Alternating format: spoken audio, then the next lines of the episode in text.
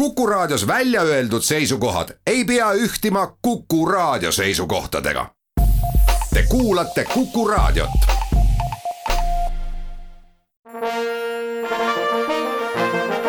Vanemuise veerand. tere kõigile teile, head raadiokuulajad. sellel laupäeval, kolmeteistkümnendal veebruaril esietendub Vanemuise teatri suures majas Ella Voolioe Niskamäe naised. saates on külas Vanemuise draamajuht. Tere, Tiit Palu! tervist! üksiti oled sa ka Niskamäe naiste dramaturg, lavastaja ja laulusõnade autor. nii juhtus, jah mina olen saatejuht Tiir Ööp. esimene küsimus, mis mul sulle on, on sinule kui draamajuhile.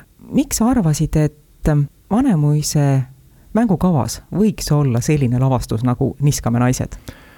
ma otsisin äh, meie näitlejatele, meie trupile ja, ja nendele näitlejatele, kellest see trupp siis koosneb, äh, sellist äh, head väljakutset ja samuti Vanemuise suurele lavale head lugu.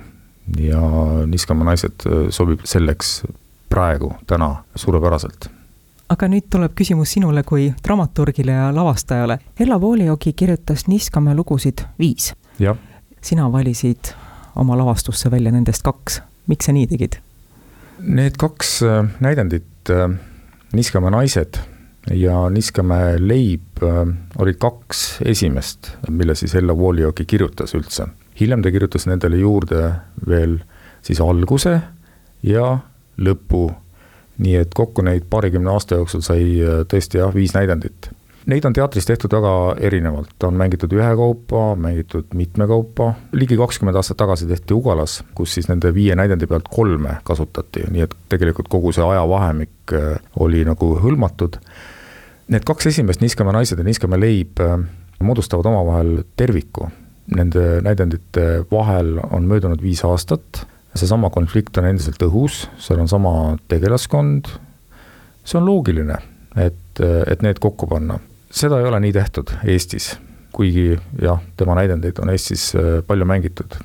kui me arvestame seda, et need on kirjutatud äh, kaheksakümmend aastat tagasi, ligi kaheksakümmend aastat tagasi, siis äh, sel ajal teater nägigi välja natuke teistmoodi. teater oli kirjanduse vorm, tegelikult kanti siis kirjaniku teksti ette seepärast oli vajalik ja on vajalik ka kõikide selliste vanade tekstide puhul need asjad pisut üle vaadata, et see lugu sealt äh, hästi välja tuleks.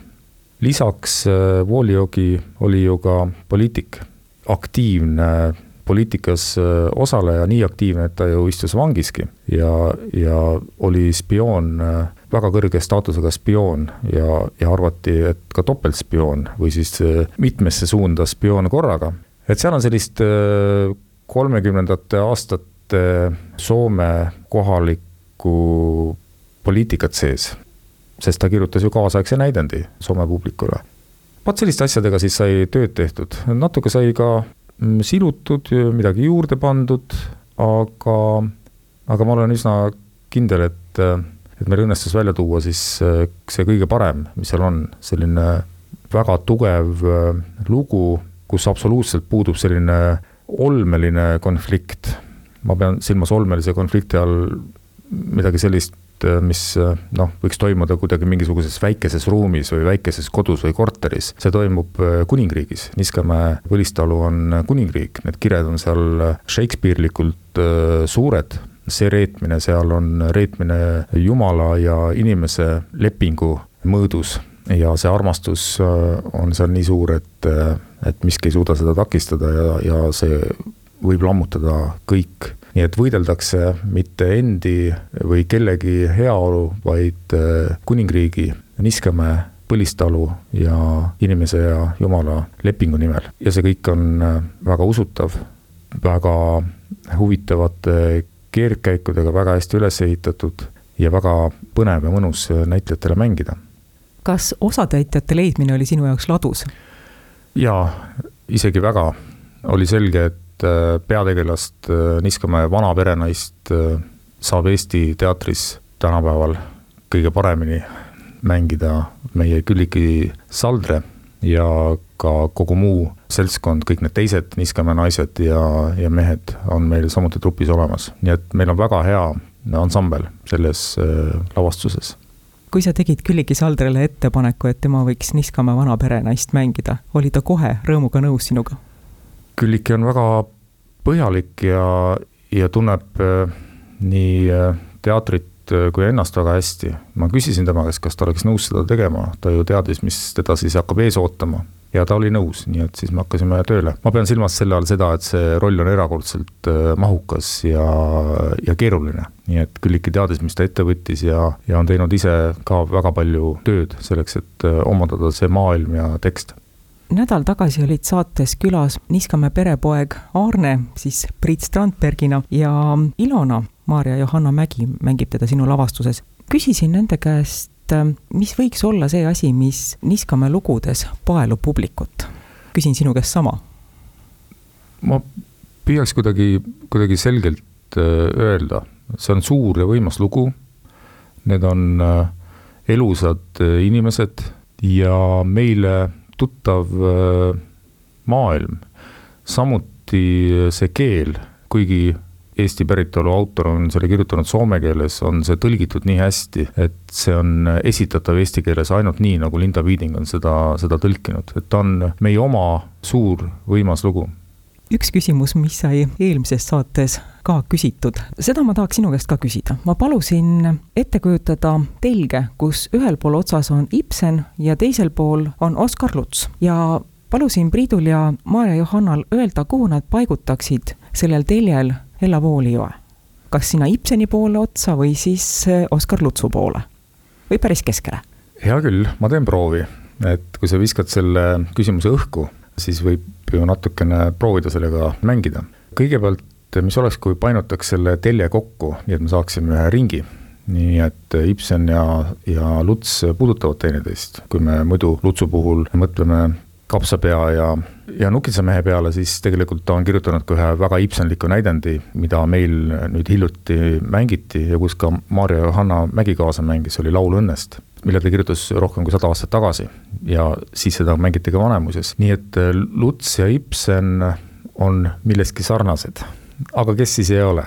ma arvan, et sellises rahvusvahelises äh, mõttes, kui küsida mõnelt äh, Ameerika või Itaalia teatriteadlaselt, kuhu paigutub Walli jogi, siis äh, tema ütleks, et ta paigutub Bertolt Brechti kõrvale, sest ta on kirjutanud Bertolt Brechtiga koos ühe näidendi, mis on samuti Eestis palju kordi lavastatud väga, väga tuntud näidend Puntila ja tema sulane Matti see juhtus siis, kui, kui Brecht oli Soomes redutas sõja ajal ja arvatakse, et Brecht siis virutas selle süžee tegelikult äh, meie lemmiku käest.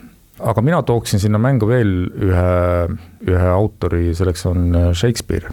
Shakespeare, kes äh, kirjutas suuri tragöödiaid reetmisest, armastusest, inimese ja jumala vahekorrast ja rahvaliku autorina siis kirjutas sinna juurde ka selliseid naljakaid ja, ja kergeid tegelasi sedasama on teinud siis ka meie Hella Voolioe ja, ja lõpuks äh, on tal midagi ühist või ütleme, et temaga on midagi ühist äh, ka Tammsaarel. ma pean silmas just äh, Tõe ja õiguse saagat, kus on selline pikk perekonnalugu, mis on siis no ütleme, meie eepos ja kus samuti, nii nagu Voolioelgi, on väga tugevad ja huvitavad naistegelased ja sellised lüürilised äh, ja natukene õnnetud äh, mehed. vot võib-olla siis äh, ütleks niimoodi, et Hello Vooliogi ühendab endas paljud head, mida eri aegade kirjanikud on, on, on kirjutanud või, või meile õpetanud.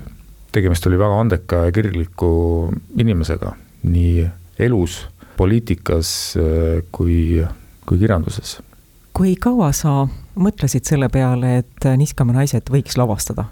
see ei ole hetkeemotsioon, ma saan aru? ikka paar aastat jah, sest et äh, nagunii me mõtleme pikemalt ette ja sa otsid neid äh, ideid ju kogu aeg, selles pole midagi erilist, aga jah, ma arvan, et paar aastat tagasi sai hakatud selle peale mõtlema ja just äh, seoses Küllikiga. mind nagu huvitavadki kuidagi viimasel ajal on huvitanud naistegelased ja, ja selline näitlejanna naisnäitleja küsimus teatris. mul on tunne, et äh, naiste kaudu me jõuame kirjanduses ja teatris äh, palju kaugemale kui, kui meeste kaudu, miks see nii on, on, on omaette küsimus, mille üle võib kunagi teinekord arutleda. aga ka elus me näeme seda, et kui olulised on, on naised ja, ja, ja kuidas see naiste mõistus ja, ja intuitsioon töötab hoopis teistmoodi, kui meestel see värk käib. Ma kirjutasin Sirpi ühe, ühe loo ka näitlejanna olemusest. tahtmatult muutus jutt filosoofiliseks. saatejuht tänab Vanemuise draamajuhti Niskamäe naiste dramatiseeringu autorit ja lavastajat Tiit Palu külaskäigu ja vestluse eest. aitäh! Hella Voolioe Niskamäe naised esietendub Vanemuise teatri suures majas kolmeteistkümnendal veebruaril. laval on Külliki Saldre, Maarja-Johanna Mägi, Ragne Pekarev, Priit Strandberg, Riho Kütsar, Merle Jääger, Saara Nüganen, Andres Mehar, Karel Poga, Karol Kuntsel, Oskar Seeman, Ken Rüütel ja mitu akordionit. aitäh kõigile, kes kuulasid, jälle kuulmiseni! Vanemuise veerand